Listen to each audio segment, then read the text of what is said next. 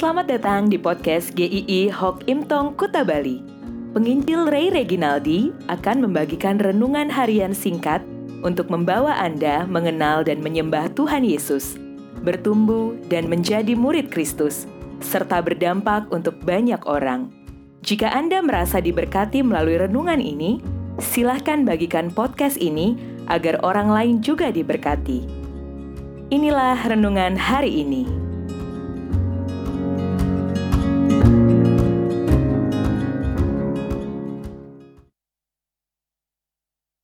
Menipu diri sendiri. Yakobus 1 ayat 22. Tetapi hendaklah kamu menjadi pelaku firman dan bukan hanya pendengar saja. Sebab jika tidak demikian, kamu menipu diri sendiri. Waktu kecil, sering kali ibu saya berkata, "Ayo mandi." Saya langsung menjawab, "Iya, mah." Tapi panggilan itu datang lagi beberapa menit kemudian. Ayo cepat mandi. Karena saya belum beranjak dari tempat saya bermain. Tapi saya akan menjawab lagi, iya mah. Lalu mama saya berkata, iya iya tapi nggak melakukannya. Sama aja bohong. Kalau iya, berarti langsung lakukan. Kalau dipikir-pikir, begitu juga yang banyak terjadi pada orang Kristen bukan? Mendengar firman, tapi tidak melakukannya.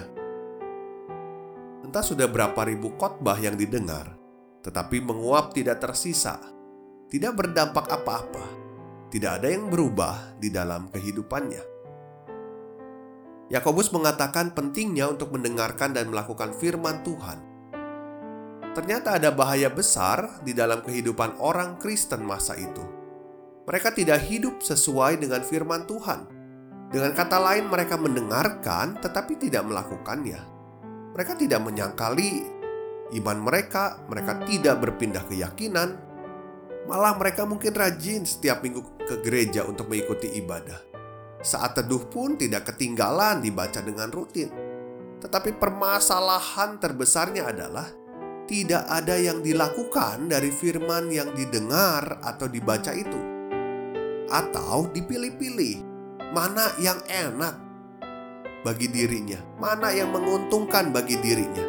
Kalau yang sulit tidak mengenakan, ah udah nggak mau dilakukan. Yakobus menyebut orang seperti ini adalah orang yang menipu diri sendiri. Dan Yakobus memberikan contoh yang membuat kita bisa geleng-geleng kepala sebetulnya kalau ada orang seperti ini. Orang yang bercermin lalu Ketika pergi sebentar, sudah lupa lagi seperti apa mukanya.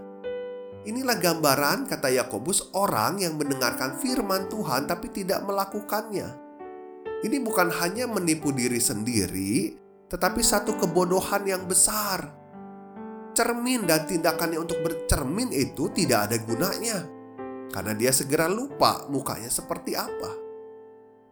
Sama jika mendengarkan firman dan tidak mau melakukannya, Sia-sialah mendengarkan firman. Tidak ada gunanya mendengarkan firman Tuhan.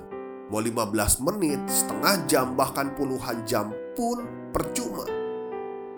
Tidak melakukan firman Tuhan sama dengan menolak untuk taat atau tunduk pada Tuhan. Sama dengan kita mau mengambil jalan semau kita sendiri. Sama dengan kita yang mau menjadi Tuhan atas diri kita sendiri maka tidak melakukan firman Tuhan itu sama melawan Allah. Mendengarkan firman Tuhan dan melakukannya sama-sama penting.